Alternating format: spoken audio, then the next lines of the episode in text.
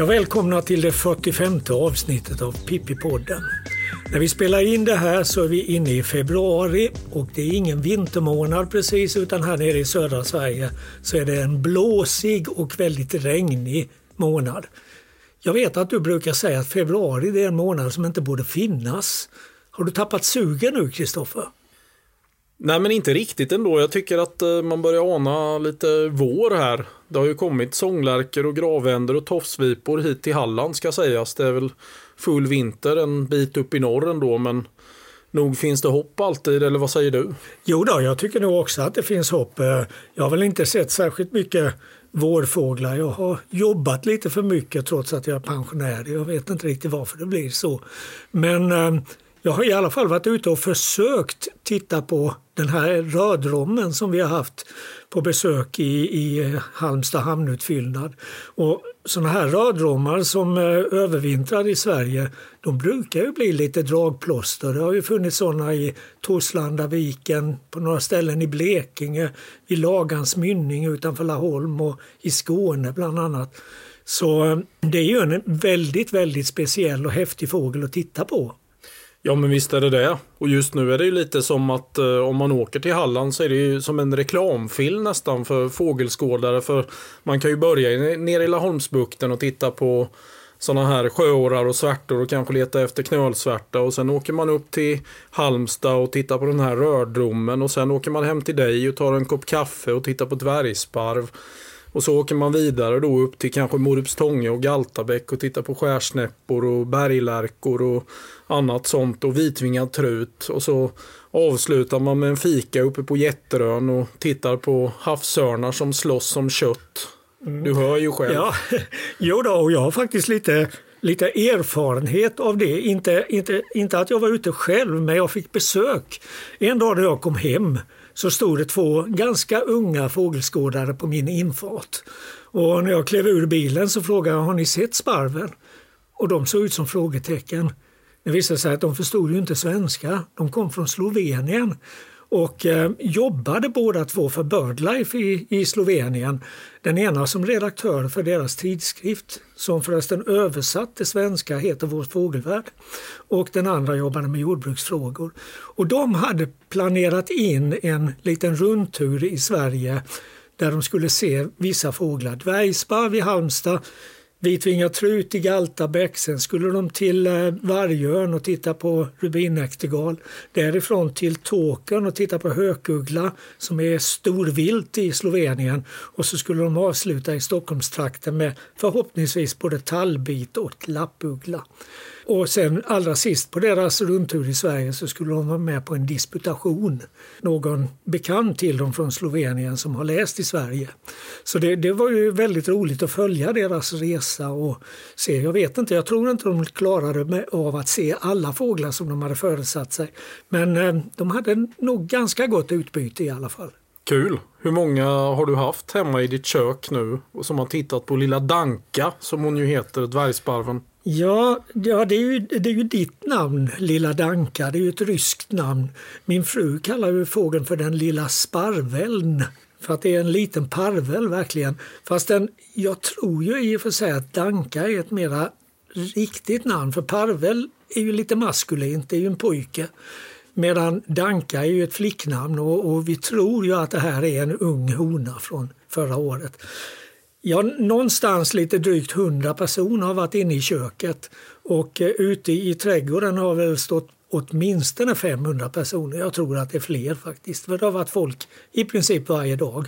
Har det känts bra att ha folk där? Har det hänt någon incident eller så? Nej, det har väl känts bra den mesta tiden. Eh, det som har hänt har ju oftast varit roliga saker. Som en eh, när min fru kom hem en dag när inte jag var hemma så stod det en äldre man på, på infarten. Och hon frågade ju naturligtvis honom om han hade sett sparven. Nej, det hade han inte gjort, men han hade några timmar på sig innan tåget skulle gå tillbaka till Jönköping, berättade han. Och eh, det visade sig alltså att han hade tagit tåg från Jönköping och sen åkt kollektivt ut till eh, ja, utkanten av Halmstad där jag bor. Och sen så skulle han då han fick se sparven, han kom in i köket och fick se den. Och sen skulle han då efteråt gå tillbaka till stationen. Och så tog han tåget hem och så på kvällen så fick jag ett mejl från honom där han var väldigt, väldigt tacksam för att det hade funkat så bra. Så det är ju roligt. Sådana historier kan man leva ganska länge på. Och också med de här båda slovenska fågelskådarna. Och sen har det varit en och annan tysk och, och ja, några danskar. Och, ja, det har varit väldigt mycket folk. Jag, jag trodde nog inte att en dvärgsparv skulle locka så väldigt mycket folk. Alltså. Ja, och på tal om locka så lyckades jag spela in den här dvärgsparven när den lockade några gånger. Så det var kul att ha en egen inspelning på det. Och locklätet är alltså ett sånt här tickläte som man brukar prata om. Precis. De här sparvarna.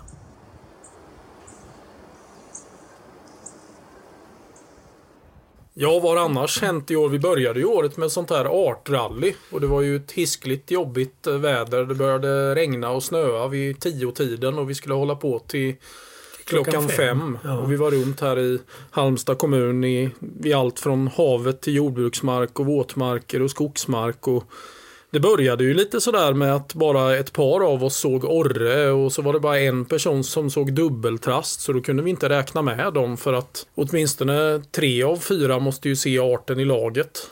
Mm. Nej, början var ganska svår och, och, och, det var ju segt beroende på vädret verkligen. Nu tillhörde vi ju ändå de grupperna som åkte bil hela tiden. Vi hade ju två lag som cyklade runt och det ena laget de gav ju faktiskt upp efter några timmar i busvädret med snöblask och regn om vartannat och hård blåst också. Men det var ju ett, ett lag som cyklade sig igenom hela dagen och det var ju oerhört imponerande tycker jag. Men eh, man kan väl säga om vårt lag då, vi deltog ju i samma lag tillsammans med Frida och eh, Mattias Lundberg. Att eh, vår början blev svår men sen blev det bara bättre med tiden.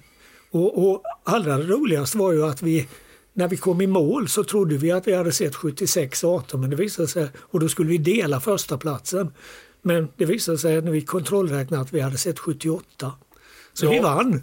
Ja, det var lite komiskt för vi körde ju en sån här checklista på Artportalen och så stämde ju inte antalet med den och papperslistan och då visade det sig att vi hade glömt att kryssa i strömstare och vattenrall på papperslistan och vi räknade ju både tre och fyra gånger och fick det till 78. Dessutom var det ju faktiskt 80 arter med orre och dubbeltrast som vi inte kunde räkna men de ingår ju sen i den sammanlagda summeringen på rallyt och den blev väl närmare 130 arter om jag minns rätt va? Ja, tar du inte i lite grann? Jo. Jag tror det var en bit över 100 i alla fall. Det var ju ja, i alla fall en art som inte var sedd tidigare på de här rallyna och det var naturligtvis dvärgsparven då. Mm. Och vi har ju kört de här rallyna nu ända sedan början av 1990-talet. I, de första åren är i och för sig ganska, eh, inte så välordnat och lite mer på känn sådär. Sen har det blivit bättre, eller mer och mer struktur på det hela. Och eh, det, är ju, det har ju visat sig att det är ju ett väldigt, väldigt bra sätt att starta fågelåret på. Alltså att man får en bra koll på vad som finns och det har också visat sig vara ett bra sätt att slussa in nya fågelskådare. Ja, i år var det ju med lite nytt folk som inte har varit med på rallyn innan så det var ju kul. Enda smolket var väl att vi inte kunde ha den här eftersitsen som vi alltid har på Lissis Café i Holm norr om Halmstad. För att det var ju fortfarande de här pandemirestriktionerna mm. då. Mm. I början Nej, det fick vi hoppa över nu för andra året i rad. Nu ska vi väl räkna med att nästa år så ska vi kunna gå tillbaka till gamla vanor. Ja, det kan man ju tycka. Man ser ju också när man jämför vårt artrally med artrally på andra ställen i Sverige att det är rätt, rätt stora skillnader. Sen beror det ju naturligtvis också på hur många timmar man är ute. Vi är ju ute 10 timmar för att också ha möjlighet på ugglor från 7 till 17. I Umeå är de väl bara ute i 6 timmar tror jag, från 9 till 15. På andra ställen så startar man redan vid midnatt och håller på till ett visst klockslag på eftermiddagen. Och Falkenberg kör ju 8 till 16. När man går tillbaka och tittar på det här så ser man ju att det, det här är ett sätt att eh, som jag sa, både att få en bra koll över den, de, de fåglar som finns i det aktuella området och också att få med andra, andra människor. Och så har vi ju Umeå Bird Race då som du nämnde att eh, Du fick ju en sammanställning därifrån och det visade sig att man har vunnit det här rallyt genom att bara få ihop 27 arter ett år. Och som mest har det varit 43 arter. Men det hade varit häftigt att vara med på det någon gång. Jo, jag har varit med en gång för ganska länge sedan, jag tror det var 2001. I början på 2000-talet i alla fall. Och det var ju lite spännande för att isen låg ju ute på havet. Det fanns en och annan vak i uh, Umeälven. Men i övrigt så handlade ju det rallyt om att man gick och tittade in i trädgårdar. Mm. Och, och, vad som var så förvånande för mig då, från, som kommer från Sydsverige, det var att det verkade som att alla människor i Umeå kände till det här. När vi körde ett artrally så är det ju någonting för en liten inre krets. Det är mm. ingen utanför vår lilla krets som vet om det. Men när vi stod där och tittade in i en trädgård så öppnades dörren och sa Är ni med i racet? Härligt. och det verkar som att alla i Umeå visste, visste vad som pågick. Va? Men det finns ju flera sådana här olika typer av race som inte bara körs på vintern. Vi har ju kört i maj här i Halmstad någon gång och det vinnande laget hade väl närmare 150 arter då. Men sen så finns det ju även på Öland kroppkakeracet som de kör i februari va? Ja, och så har de ju kräftracet som de kör i augusti. augusti. Mm. Precis. Och sen kör de ju även på södra Gotland vet jag. Suderruset ungefär. Eller att de håller på på Sudret då. Och, och mm. nere på södra Gotland och kör artrally i maj månad är det väl. Och sen så har det ju blivit populärt med så kallade ekorace nu där man mm. inte ska använda bil då, utan helst bara apostlahästarna eller cykel. Ja. I några fall så är det tillåtet att åka kollektivt också. Men jag kommer tänka på en rolig historia när du berättade om eh, det här kräftracet på Öland. Mm. Vi var med några stycken från, från västkusten en gång eller vid ett par tillfällen och en av gångerna så hade de bestämt sig för att de inte skulle ha flodkräftor utan det skulle vara havskräftor. Och man hade köpt in havskräftor från västkusten och något, någon hade haft med sig dem. Och sen så dukades det här fram och folk började äta tyckte det här smakar ju förskräckligt. Då visade det sig att det var ju icke kokta havskräftor. Oj! De var ju råa. Vad hände var, då? Och man trodde väl eh, eftersom flodkräftor och signalkräftor de är ju levande när man kokar dem. De ska ju vara levande när man kokar dem men så är det inte med havskräftor utan de kan vara döda.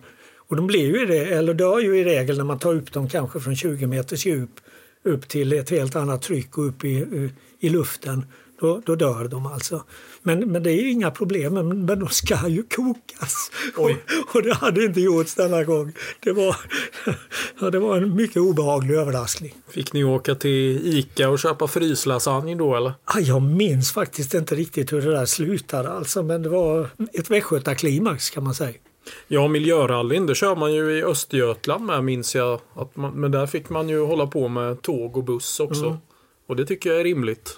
Ja, vi kanske ska satsa på det här någon gång i, i Halmstad också. Men då, då missar vi ju alla våra skogsfåglar för det blir, det blir ju alldeles för långt att ta sig upp på Sydsvenska höglandet. Det hade varit roligt att köra ett sånt i maj-juni kanske. Det blir ju en inventering också som du sa.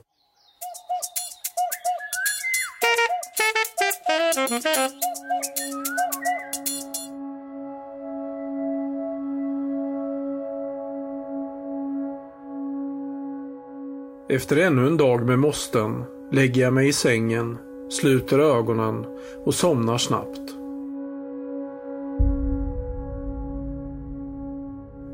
Det dröjer inte länge innan jag ser mig själv stå i en busshållplats mitt inne i en stad på en plats jag aldrig tidigare har varit på. Den på passagerare tomma bussen tar mig ut på landsbygden Vi åker på grusvägar, långt in i skogen. Förbi lom och fiskhusesjöar. Bland stora stenblock och flera hundra år gamla granar. Busschauffören spelar Pavarotti på hög volym. Jag kan knappt höra mina egna tankar. Bussen stannar.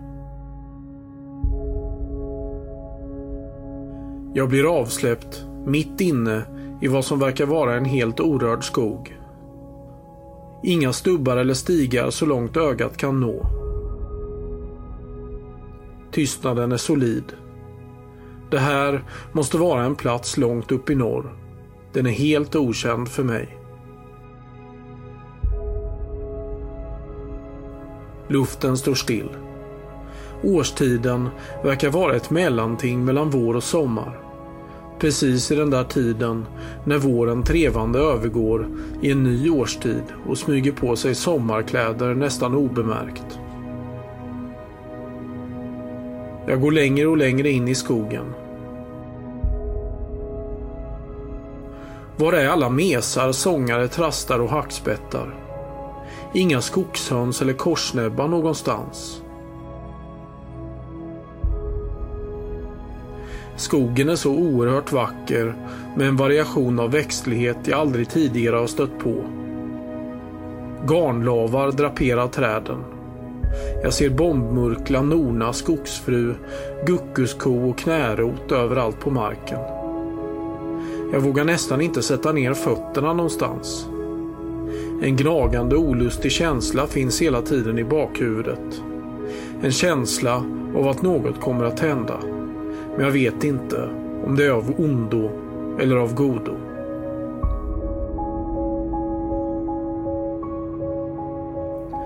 Det öppnar upp sig. En äng framför mig där ängsullen lyser som en stjärnhimmel. Det doftar pors och honung. Den lågt stående solen bländar mig. Inte ens en ängspiplärka, korp eller orre här, tänker jag. Miljön är ju helt perfekt.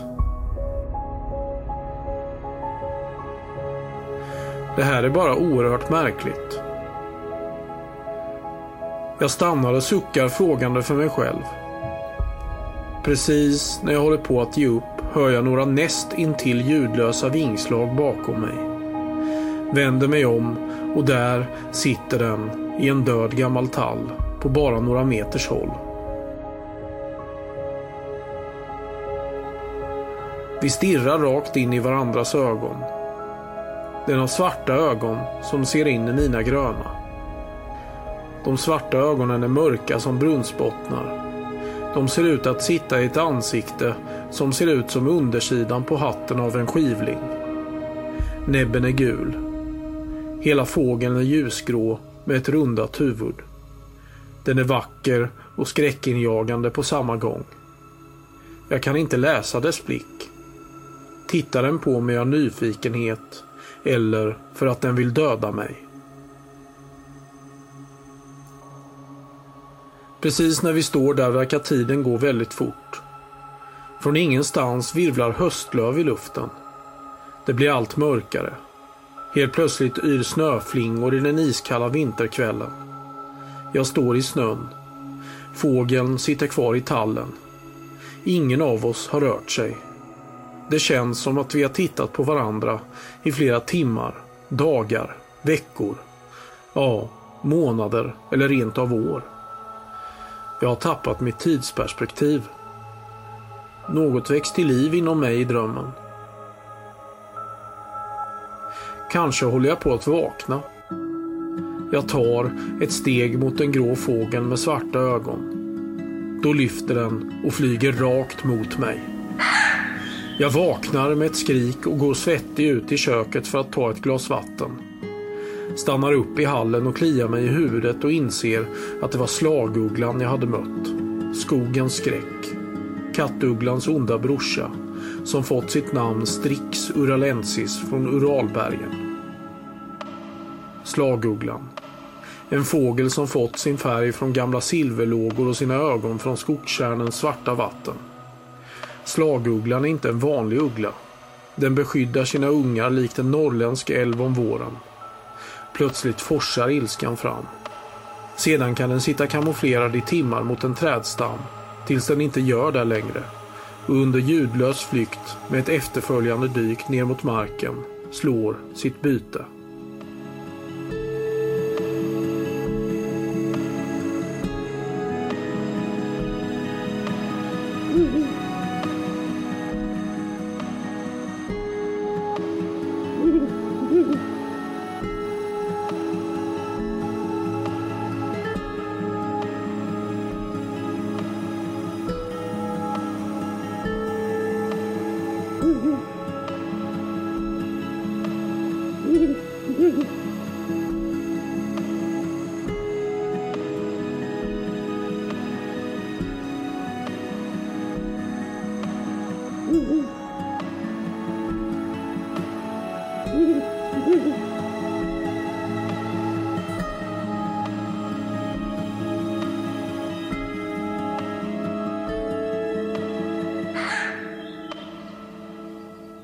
Jag hade varit på besök i naturens innersta inre.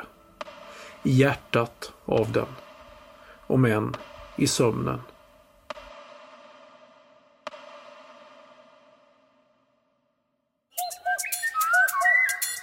Dåliga nyheter om fågelpopulationer runt om i världen kommer titt som tätt.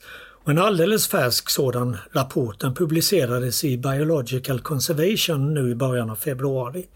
Och det är en grupp forskare från Kenya, Storbritannien, Frankrike och USA som visar att många, faktiskt de allra flesta av Kenias rovfåglar har gått markant tillbaka under de senaste 40 åren. Kenias rovfåglar undersöktes för första gången på 1970-talet av forskare som artbestämde och räknade fåglarna medan de körde längs vägar, både inom och utanför skyddade områden. Dessa så kallade road counts de upprepades sen flera gånger under 2000-talet för den här nya studien. Och av 22 undersökta arter sågs 19 mer sällan under den senaste perioden. Och medianfrekvensen för nedgången var ungefär 70 procent. De största minskningarna de registrerades för tornfalk som har gått ner med 95 procent, sekreterarfågel och tofsörn som båda minskat med 94 procent, rödfalk gått ner 93 procent, schakalvråk 91 procent samt kappgam och ängshök som båda har gått ner med 88 procent. Och nedgångar förekom även bland alla arter av gamar och stora örnar. Och ingen art hade ökat nämnvärt. Och utifrån de beräknade nedgångarna över tre generationslängder så skulle 45 procent av de undersökta arterna kvalificera sig som nationellt hotade eller kritiskt hotade. Och den här studiens resultat visade än en gång på betydelsen av skyddade områden eftersom rovfåglarna minskade mindre allvarligt i parker och reservat jämfört med i oskyddade marker. Phil Shaw från University of St. Andrews som var en av huvudförfattarna till studien, han sa efteråt att våra resultat visar på den skarpa kontrasten mellan trender i skyddade områden och i oskyddad mark. Utanför Kenias nätverk av skyddade områden har populationen av många rovfåglar i det närmaste kollapsat. Så långt Phil Shaw. Men samtidigt som de flesta arter har klarat sig bättre inom skyddade områden så har flera stora rovfåglar uppvisat oroande tendenser även där. Vilket enligt forskarna betyder att skyddet måste stärkas även inom dessa områden. Och trots att läget är mycket allvarligt så anser författarna ändå att det går att vända situationen och det ska göras genom förbättrad förvaltning av skyddade områden, riktade åtgärder mot specifika hot och att man tar fram räddningsplaner för olika arter. Ja, det var intressanta nyheter. Då kom vi osäkert in på den här Sveriges fåglar 2021 som du har varit med och producerat i år också. Ja, den släpptes i början av januari och det är fjärde gången nu som vi publicerar en sån här årlig State of the Birds som det kallas i USA och Storbritannien. Alltså en statusuppdatering över hur läget är för våra svenska fåglar. Både med deras uppskattade populationer och hur det går för dem.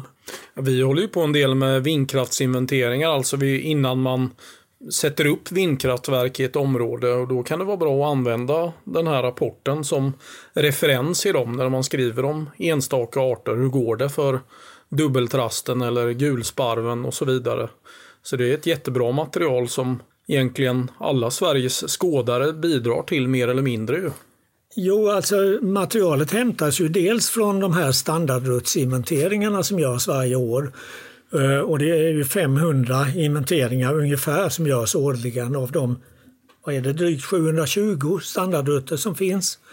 Och sen så hämtar vi ju material också från Artportalen och från olika undersökningar som ofta görs på lokal eller regional nivå. Så det är, man kan med fog säga att Sveriges fågelskådare bidrar till den här kunskapsöversikten. Kan du tydligt se några arter som eh, minskar kraftigt nu i Sverige 2021-2022? Ja, vi har ju några verkliga sorgebarn alltså. Till exempel ejdern som har gått väldigt kraftigt tillbaka längs våra kuster. Vi har ortolansparven som också går kraftigt tillbaka. Men vi har ju också arter som ökar markant. Stiglitz är en sådan, gransångare är en annan. Och sen när det gäller rovfåglar så kan man väl säga att det går ganska bra för de flesta rovfåglar. Men eh, rovfåglar som häckar uppe i fjälltrakterna och som förmodligen är beroende av eh, lämmelpopulationernas eh, toppår. De har det lite mera knapert, alltså fjällvråk, blå kärrök och faktiskt även stenfalk går, går tillbaka eller har i alla fall tendenser till en vikande trend i Sverige. Mm. Men det har egentligen aldrig funnits så mycket fågelindivider i Sverige som det gör nu va? Nej, det tror jag nog man kan säga. För, men det, det handlar ju också om att väldigt många av de ganska vanliga generalisterna, de här fåglar som kan, eller fågelarterna som kan finna sig till rätta i de flesta miljöer, de går det bra för. Bofinken till exempel, även talgoxe och blåmes går det bra för. Lövsångaren, där är tendenserna lite olika med den nordliga och den sydliga underarten men generellt sett så håller lövsångarens ställning, eller sammantaget sett ska jag säga, så håller lövsångaren ställningen ganska bra. Men nu kommer det alltså bli då ännu mer häckfågelinventeringar i Sverige innan man vill avverka skogar eller hur ska man tolka den senaste infon? Ja, alltså när Skogsstyrelsen kan man ju säga, de har infört en nyordning i, i det svenska skogsbruket genom ett beslut som kom nu i februari och som innebär att man ställer ett kunskapskrav på markägaren. Alltså att innan man avverkar så ska man veta vad som finns i skogen. I alla fall på något, någon sorts ungefär när tror jag. För det går ju inte att räkna, räkna varenda fågelpar. Det, det, det, kan ju inte vara meningen med den här nyordningen. Men, men, och detta är ju någonting som vi från Birdlives sida har jobbat för ganska många år att, att vi vill införa ett kunskapskrav, att man ska veta vad man har på ett ungefär. Har man, att man ska veta att man har värdefulla marker.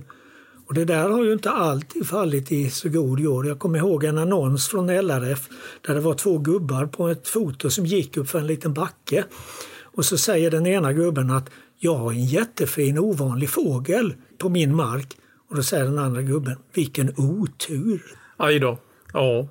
Men när det kommer till det här med fågelpopulationer, jag tycker det är ganska intressant att titta på sträckräkningar om hösten med, alltså när fåglarna flyttar ut ur landet. För nu la ju Mattias Ullman ut eh, en trevlig sammanställning på vår skådarvärld på Facebook över sträcket i Falsterbo under hösten 2021, eh, augusti till november. Och han nämnde ju ett antal arter där och det hade sträckt väldigt mycket eh, bofink till exempel. Och, ja. Jag nämnde inte han där, bland annat ejdern, att den, är, den har gått väldigt kraftigt tillbaka även när det gäller sträckräkningarna vid Falsterbo. Precis. Men sen kom jag ju då att tänka på hur det kan vara i Grötvik med dubbeltrast. Och då kunde jag ju se då att vi har haft högre siffror med dubbeltrast i Grötvik om höstarna, i alla fall en del höstar än vad Falsterbo har haft. Vi har haft högre toppsiffror där.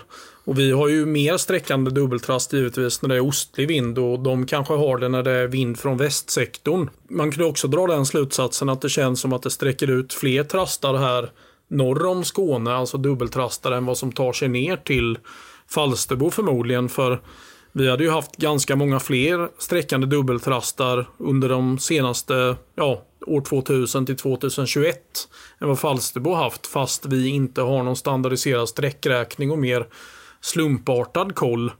Och sen kunde man ju då också se den här Sveriges fåglar 2021 att dubbeltrastarna har ökat väldigt ja, mycket. Nej, särskilt också... den senaste 10-12 årsperioden. Det är också en av de här arterna som har en eh, väldigt positiv eller ökande trend i Sverige. Men jag tänkte på det, skillnaden mellan Falsterbo och, och Grötvik då i vårt fall, eh, den beror väl kanske på att vissa fågelarter har lite, lite annorlunda flyttningsstrategi. Jag kan tänka mig att dubbeltrasten är inte så känslig för att ge sig ut över hav som en del andra fåglar är. Utan att de lämnar Sverige redan när de kan skymta Danmark i form av Själland då uppe vid Helsingör någonstans eller i trakten av Helsingborg på svenska sidan. Precis. Och, och jag har också funderat över detta tidigare för att om vi tittar på sträcksummor från Hallandskusten specifikt under höstarna så ser vi bland annat att man vid Susåns mynning som ligger strax söder om Falkenberg har oftast betydligt fler kärrhökar som sträcker än vad vi har i Grötvik. Och kärrhökarna de är ju väldigt oömma kan man säga. De är tåliga. De ger sig lätt ut över havet och, och, och korsar förmodligen Kattegatt utan några betänkligheter. Och en annan sån sak funderade jag över för ganska många år sedan när jag läste eh, sammanfattningar från Mönster, alltså på, längst ut på Onsalahalvön. Att de där hade väldigt mycket ängspiplärkor som flyttade. Mm. Medan vi har vi har ju naturligtvis rätt mycket ängspiplärkor vid Grötvik också men det är inte samma mängder. Och jag, jag skulle kunna tänka mig att även ängspipplärka är en sån där fågel som är rätt så okänslig för att flyga ut över havet.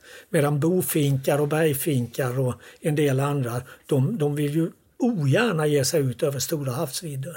Ja, Sen har jag ju tänkt på de här stora mängderna med rödvingetrast som kommer till Grötvik sista oktoberveckan och ibland en bit in i november. Men det är ju säkert inte svenska fåglar. Eller hur tänker du kring dem? Nej, de kommer nog till väldigt stor del från Finland och Ryssland. Kanske till och med. Men är inte det ett relativt nytt påfund med sådana mängder med rödvingetrast 2000-talet? Eller har du upplevt det tidigare? Också? Någon enstaka gång tidigare, men oftast är det ju så att vi har de här stora mängderna efter en riktigt, riktigt bra sträcknatt. Och jag kan tänka mig att har det varit en bra sträcknatt, de här flyttar ju över, eh, främst under nätterna, så har väldigt många rödvingetrastar varit i rörelse och sen när det ljusnar så är de kanske på platser som inte är perfekta att rasta på och då fortsätter de. Och då kan vi se dem i de här stora mängderna. Jag minns en höstdag för bara ett par år sedan när, när jag befann mig inne i Halmstad centrum och det bara vällde fram rödvingetrastar då under de första ljusa timmarna säkert tiotusentals rödvingetrastar som passerade då. Men man kan ju inte ställa sig där mitt på en gata eller en trottoar och börja räkna fåglar. Hur skulle det se ut? Exakt. Hjälp mig, hjälp mig. A-laget där, de hade kunnat hjälpa dig lite att räkna. ja, det skulle vara någonting.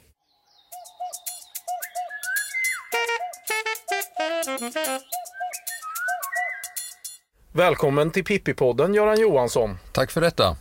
Du är ju naturfilmare och fotograf. Du har ju specialiserat dig mycket på att filma och fotografera från gömslen och du bygger egna gömslen och spenderar timmavis med tid i just gömslen. Ja, det stämmer att jag håller på mycket med gömslen och fotografering och eh, på senare tid har jag gått över mycket med filmning. Och jag har kommit underfund med att vill du ha riktigt bra film och riktigt bra foto så måste du på något vis vara dold. Och eftersom jag då har mark runt Knäred så eh, har jag byggt några gömslen där och eh, där sitter jag väldigt mycket. Sedan eh, om ni är intresserade av det så finns det på min hemsida halmstadfoto.com under blogg så finns det en liten där jag visar hur man bygger gömslen. Ja, sen har du ju även en eh, Youtube-kanal där du lägger upp massa filmer. Du har ju bland annat gjort en film om eh, fiskljusar, fiskgjusar men även om lappugglor och annat. Ja, det stämmer. Framförallt är det ju fiskljusar som vi har jobbat med i, det är jag och Thomas Andersson i Falkenberg, som vi har jobbat med i minst tio år med den här filmen och vi är nu ute och föreläser om denna film. Dessutom så har vi jobbat väldigt mycket med lappugglor och också ute och föreläser om lappugglor. Och där eh, har vi byggt plattformar och eh, där behöver man ju inga gömslar om man hittar en lappuggla. Men i övrigt så är ju korp någonting som jag håller på med väldigt mycket och då krävs det gömsle. Och de är väldigt intressanta att följa. På vårt landställe så är det faktiskt så att i slutet på november och i mitten på februari så samlas det hundratals koppar hemma hos mig. Och jag har fått härliga sekvenser på det så att det är väl meningen att det ska bli en film så småningom. Alltså det måste ju vara ett oerhört trevligt intresse att sitta i gömsle och spendera en hel dag där. Kan du berätta lite hur en dag ser ut från att du går upp och åker till gömslet och filmar och fotograferar? Ja, eh, många av mina Youtube-filmer eh, det speglar ju från det att man brer mackorna på morgonen tills att man kommer hem på kvällen. Och eh, då får man ju se både film och eh, foto därifrån. Hur eh, bär du dig åt när du bygger ett eh, fotogömsle? Ja, det är ju väldigt mycket konkande med material ut. Men eh, jag bygger alltid grunden med nio jordankare. Sen lägger jag en ram på dessa så att den kommer i våg och på detta Eh, snickrar jag sedan upp med 45 x 45 tryckimpregnerat. Sen klär jag gömslet med eh, asfabad och blir gömslet bra så är det alltså 45 mm isolering som gäller året efter. Och eh, även taket förbättras då, för då är tanken att det ska stå kvar. Så att eh, sen är det ju maten som ska ut, så det är, det är rätt mycket jobb att underhålla ett gömsle. Ja, kan du berätta lite om den här maten? Hur får du tag i den? Ja, vi har ju då jägare, jag har kontakter med många jägare så att eh, jag får innehållet. De lägger det i backar till mig så får jag köra och hämta det och bära ut det.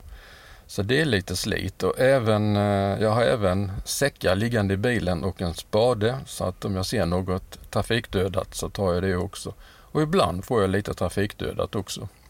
Nej, men jag kan tänka mig att det lockar väldigt mycket fåglar. Eh, krävs det att vädret måste vara bra för att det ska komma fåglar på nära håll som du kan fotografera? Jag vill ju inte ha solsken utan eh, det är morgnar och kvällar som det är ljuset jag vill ha och jag vill gärna ha dimma. Sedan är jag utav den eh, åsikten att regn, snö och blåst och dimma, det är då man ska fotografera. Det är då man får lite extra i bilderna. Ja, när fjädrarna står ut och så. Precis, jag kan tänka mig att det är många som eh, inte ens tänker på sånt. Men jag har ju sett dina bilder på röda glador som flyger i snöglopp och korpar också. Det blir ju verkligen stämningsfullt. Så eh, sådana bilder vill vi ju gärna se mer av. Ja, jag försöker få eh, där det inte bara är ett porträtt utan att det, det ska hända någonting i bilden. Och det är ju inte alltid det gör, men man ska veta det att jag sitter där väldigt mycket så att det blir så småningom så får man den där bilden man vill ha. Och eh, även miljön utanför är ju uppbyggd för att de ska sätta sig på pinnar och så vidare som är fina med bra bakgrund. Och du sitter väl oftast själv och fotograferar i det här gömslet utan sällskap gissar jag? Jag sitter alltid själv och det beror på att, eh, att jag filmar väldigt mycket numera. Jag har kommit med i naturfilmarna. Och eh, det minsta ljud från en annan kamera, det kan ju förstöra hela filmen. Och sen har de passliga kläder och så kan de inte vara tysta och så vidare. Så att, tyvärr, jag jobbar väldigt mycket själv. Men du måste ändå ha ett eh, enormt tålamod va? Eh, nej, det tycker jag inte. För det är helt underbart att sitta där. Kaffe, mackor och titta ut. Och eh, tiden går väldigt fort. Rätt som det är så går solen ner och då blir man nästan lite ledsen att man ska hem. För det, det händer alltid någonting. Va? Man går liksom in i en bubbla på något sätt i sin egen lilla värld. Alltså man trivs väl väldigt bra där kan jag tänka mig. Ja, om man inte har något annat som stressar en så är det en, eh, en underbar hobby att hålla på med. Eh, jag har ju glömt säga det också att eh, glas, jag har ju då något som heter Crystal Clear 4 mm glas, ett spegelglas. Så jag har börjat fota även igenom det. Och det är fantastiskt bra när man filmar för att då kan du röra kameran innanför, vilket du inte kan om du har kameran stickande ut utanför. Så där, eh, det är en viktig sak för er att tänka på när ni bygger gömsle. Vad ni ska använda det till. Fotografering, då går det bra att sticka ut kameran. Filma, då vill man gärna sitta bakom den här rutan och filma för att då rör man kameran med fågeln. Så det blir ingen brytning eller någon, någonting alls genom det här glaset? Nej, du kan eh, fota i vilken vinkel som helst. Det tar två bländarsteg på kameran. Okej. Okay. Men eh, jag gissar att du använder ganska kostsam utrustning ändå när du filmar och fotograferar eftersom du vill producera filmer med kvalitet. Det stämmer. Och ljud är ju väldigt viktigt. Jag har ju enorma ljudanläggningar hur får du batterierna att räcka till och sånt till exempel under väldigt lång tid? Ja, eh, jag har väldigt mycket powerbank med mig. Och eh, den nya kameran laddar jag hela tiden via powerbank. Så den, den tryter aldrig. Men du har ju inte alltid hållit på med fotografering och filmande av fåglar och sånt där. Utan du har ju spelat handboll och sånt där och hållit på med helt andra saker va? Nej, det, det, det är sant. Jag har hållit på med detta bara sedan 2008 i princip. Men eh, vad gör du annars? Jobbar du med någonting för tillfället? Jag är ju pensionär och eh, faktum är att jag jobbar nog mer med film och foto än, äh, än äh, åtta timmar om dagen. Det skulle jag tro. Men du har ju alltid många projekt på gång känns det som. Vad har du nu för projekt som eh, kommer igång eh, år 2022? Det är ju lappugglor jag hoppas på. Det beror ju mycket på mustillgången. Men, och blir det ett musår igen, det kan bli så för det var ju en hel del ekollon i år, då kanske vi kan få en häckning i, i någon av plattformarna vi har. Och eh, då kan jag bygga vidare på den redan stora mängd material som jag har om lappugglor. Du säger att du är med i Naturfilmarna. Har du som mål att uh, börja sälja filmer eller tänker du bara publicera dem på din Youtube-kanal och låta folk följa din kanal? Ja, numera, Naturfilmarna jobbar ju så att de uh, gör en film och sen så är det många filmare som uh, ingår i det här teamet. Så jag hoppas bli del av, av någonting. Jag har redan varit uppe i Idre och filmat lite på Sveriges södraste sameby. Det låter riktigt skoj. Ja, men du får eh, lycka till med ditt fortsatta filmande och fotande. Jag tackar för detta. Tackar.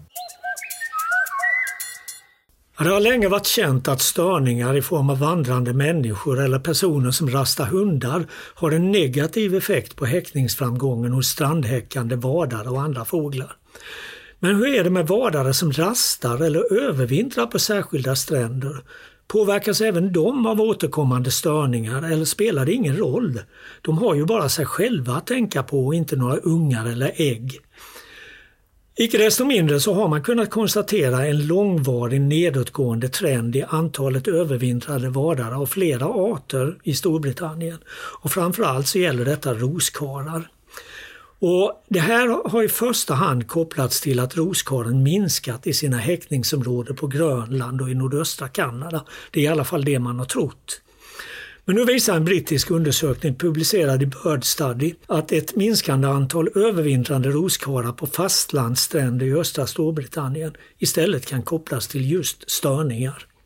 Medan antalet roskar minskat på de här stränderna så har antalet inte minskat på närliggande öar där fåglarna inte var föremål för störningar.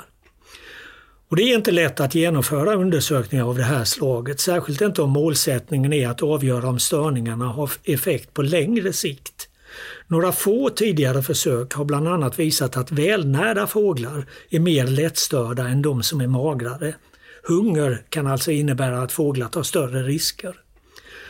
På den aktuella sträckan så visar studien att antalet roskarlar minskade med 27 procent under en femårsperiod. I England totalt var nedgången under samma tid 9 procent. Och det var den här skillnaden som väckte tankarna på att störningar var orsaken. Och när studien utvärderades så kunde man konstatera att ju närmare en skyddad ö fanns de näringsrika stränderna, desto tätare var förekomsten av roskada. De kunde alltså fly ut på den skyddade ön om de blev störda. Vidare kunde man visa att antalet inte minskade på stränder som låg nära skyddade öar. Däremot minskade antalet roskador på 15 av 17 stränder som inte hade skyddade öar i närheten. Man räknade också två och fyrbenta besökare och det visade sig att 65 procent av de människor som besökte stränderna hade hund med sig, ofta lösspringande. Och detta är ju något som vi bör ha i tankarna även här i Sverige. Vi har ju samma problem här, även om det kanske inte är i riktigt samma omfattning.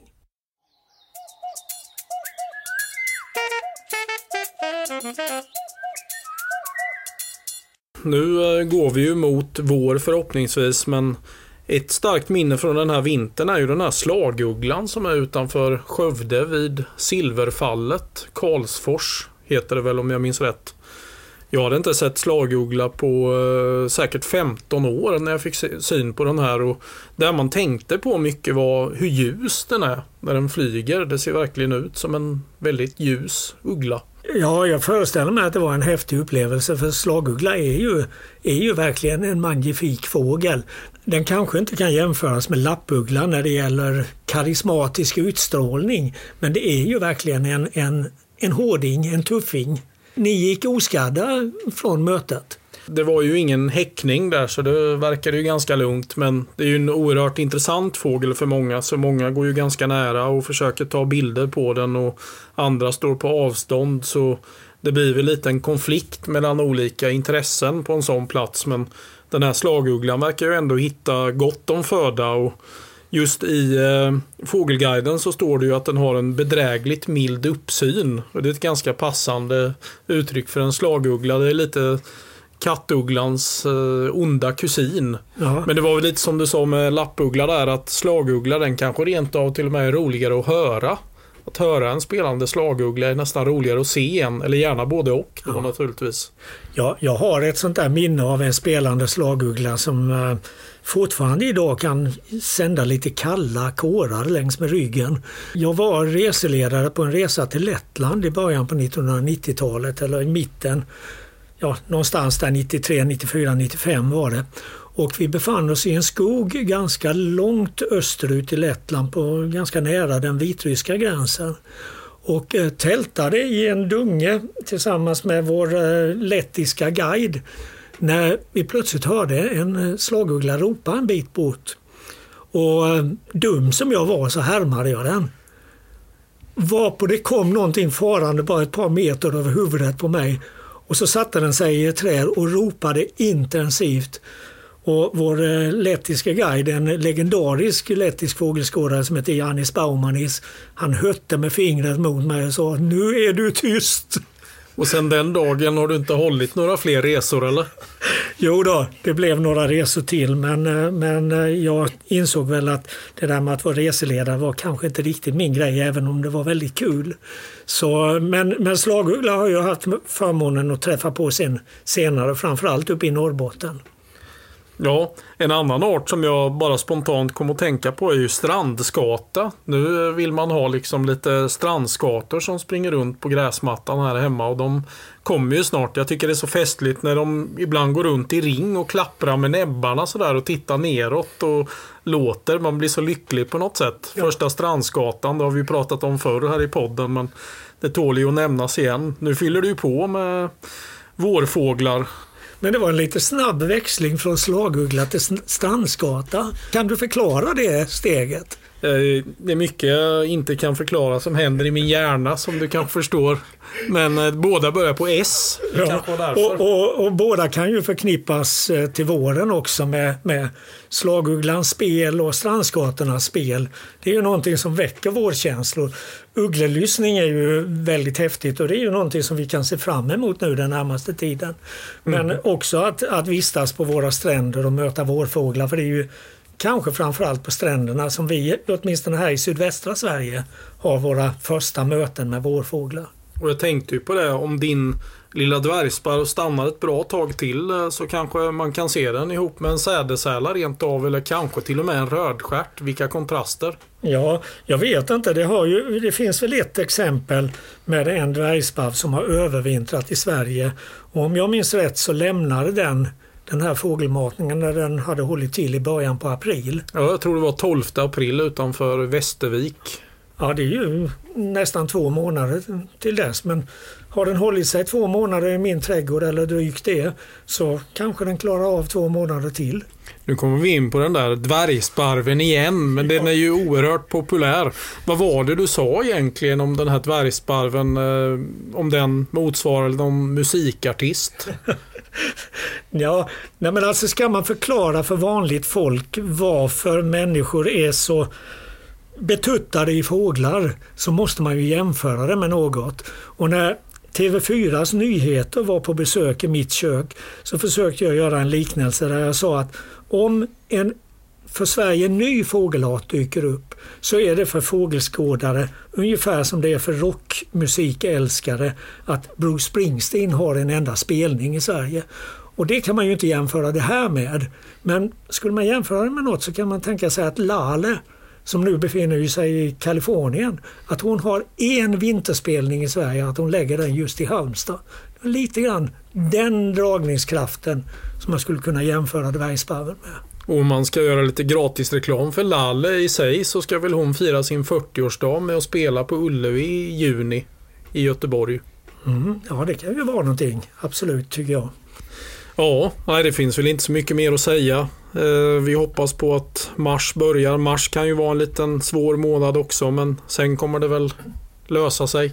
Ja, en sak skulle jag faktiskt vilja ägna en liten stund åt och det är det här negativa som har hänt längs våra stränder här på västkusten nu i vinter i två omgångar. Först var det på senhösten i oktober-november och sen har det varit nu i februari eh, i form av att mängder med framförallt sillgrisslor men också en del andra havslevande fåglar har drivit in på stränderna i helt utmattade eller döda. Och det här har väl kanske sin omedelbara orsak i att det har varit så blåsigt på sistone så att fåglarna kanske har haft svårt att söka föda. Men bakom detta ligger ju att det går väldigt dåligt för många havsfåglar ute i Nordatlanten och har gjort i ett antal år. Redan i augusti så kom det ju uppgifter från brittiska öarna om svält bland eh, framförallt sillgrisslor men också en del andra arter. Eh, sen i september så var det norska kusten som fick ta emot mycket sådana här fåglar. I oktober så började det dyka upp i Danmark och senare också i Sverige. Mm. Och eh, Vi vet ju inte hela kedjan eller sambandskedjan här men det har ju framförallt spekulerats i att detta beror på dels klimatförändringar som har gjort att ett helt ekosystem har förskjutits en bra bit norrut i, i Atlanten och dels utfiskning. Mm. Och att man framförallt då fiskar småfisk för att göra foder till laxar eller till minkar av. Lite grann samma problem som vi har med och strömmingfisket i Östersjön. Alltså att det är stora trålare som fiskar för att göra, göra eh, fiskmjöl av det och som man sen ska mata danska minkar med i första hand. Så det här, det här är ju någonting som känns väldigt eh, deppigt faktiskt tycker jag. För att det, det ser inte ut att finnas någon ljusning framöver. Och det här är ju också någonting som engagerar väldigt många människor som hör av sig. För de, de ser de här svältande eller döda fåglarna på stränderna och de vill ju bry sig. De vill ju mm. att någon ska ta hand om dem. Men när en sån här sillgrissla till exempel väl driver in på stranden så har det ofta gått för långt. Då har den brutit ner allt fett på kroppen. Den har också börjat bryta ner muskulatur. Ja. Och det går oftast inte att rädda dem, även om de får obegränsat med mat. Det har varit en hel del tretåiga måsar som har blåst in och legat på stränder och i princip ingen klarar ju sig. Och häromdagen så var det ju en stormfågel som låg utanför Påarp med som också var alldeles utmattad. Ja, så... och en skäggdopping som låg uppe på en äng 100 meter från stranden. Ja. Det är ju inte heller ett normalt beteende kan man säga. Nej, verkligen inte. Men vi kanske ska lämna det här dystra pratet och se fram emot lite grann. Vad, vad är det du allra mest vill uppleva nu den, vad ska vi säga, den närmaste månaden? Ja, mars månad om det fanns något ejderstreck som sagt. Det har vi pratat om många gånger förr. Så man får väl kanske se fram emot eh, strecket av de här svarta änderna istället. Sjöorrar och svärtor som eh, invaderar Halland varje år. Det är väl det och sen kommer det ju fylla på med ytterligare fåglar men såklart när man stöter på den första sjungande gransångaren är ju alltid trevligt och jag har redan hört någon skuggsjungande koltrast men just fågelsången när den sätter igång. Sen undrar jag ibland hur många varianter finns det på talgoxens sång? Jag fick tillskickat till mig häromkvällen igen, ännu en variant. Ja. Så skulle man spela in talgoxens sång så skulle man kunna skriva många böcker tror jag för att ja. det finns ju flera hundra och åter hundra varianter av den här tvåstaviga eller trestaviga sången. Man blir ju hur fascinerad som helst av de här små fåglarna. Vad lustigt att du nämner det för att strax innan jag åkte hem till er för att göra den här inspelningen så fick jag ett mejl just om en udda talgoxe som hade ett väldigt metalliskt klingande läte. Det lät jättekonstigt verkligen. Och eh, jag fick ju svara att ja, talgoxar de kan låta nästan hur som helst. För att även om härmningar normalt inte ingår i talgoxens repertoar som det är till exempel med starar eller kärrsångare så kan ju talgoxar ibland snappa upp något ljud och, och sen sitta och repetera detta gång på gång. Och man blir ju jag vet inte hur många gånger jag har låtit mig luras av just Jag har trott att det har varit något helt annat. Om man är osäker på ett läte när man är ute i skogen och inventerar så är det ju i nio av tio fall en, en talgoxe eller en eh, bofink. Möjligen en blåmes som låter lite udda. Ja, entitar har jag också upplevt mm. att de kan också fånga upp någon sån här, något sånt här ljud och sitta och, och upprepa det gång på gång. Mm. Här har vi lite exempel på fågelsång hos talgoxar.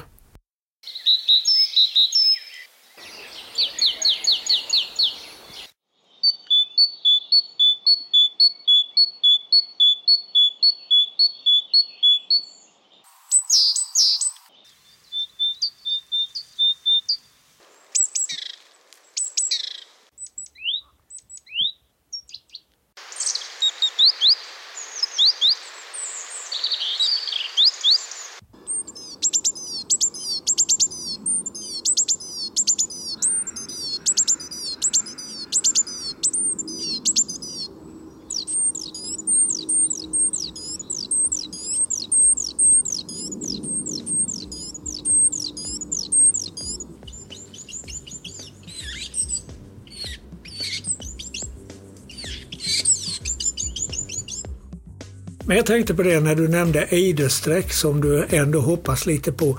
Vi har ju faktiskt haft förmånen flera av de senaste åren att ha en praktejder som har rastat strax utanför Halmstad några dagar just i mars månad. Ja, det... det är väl någonting att hoppas på? Ja, den kan ju komma ganska tidigt också och det kan ju rimligen till och med vara samma individ för de kan nog bli rätt gamla praktejdrar.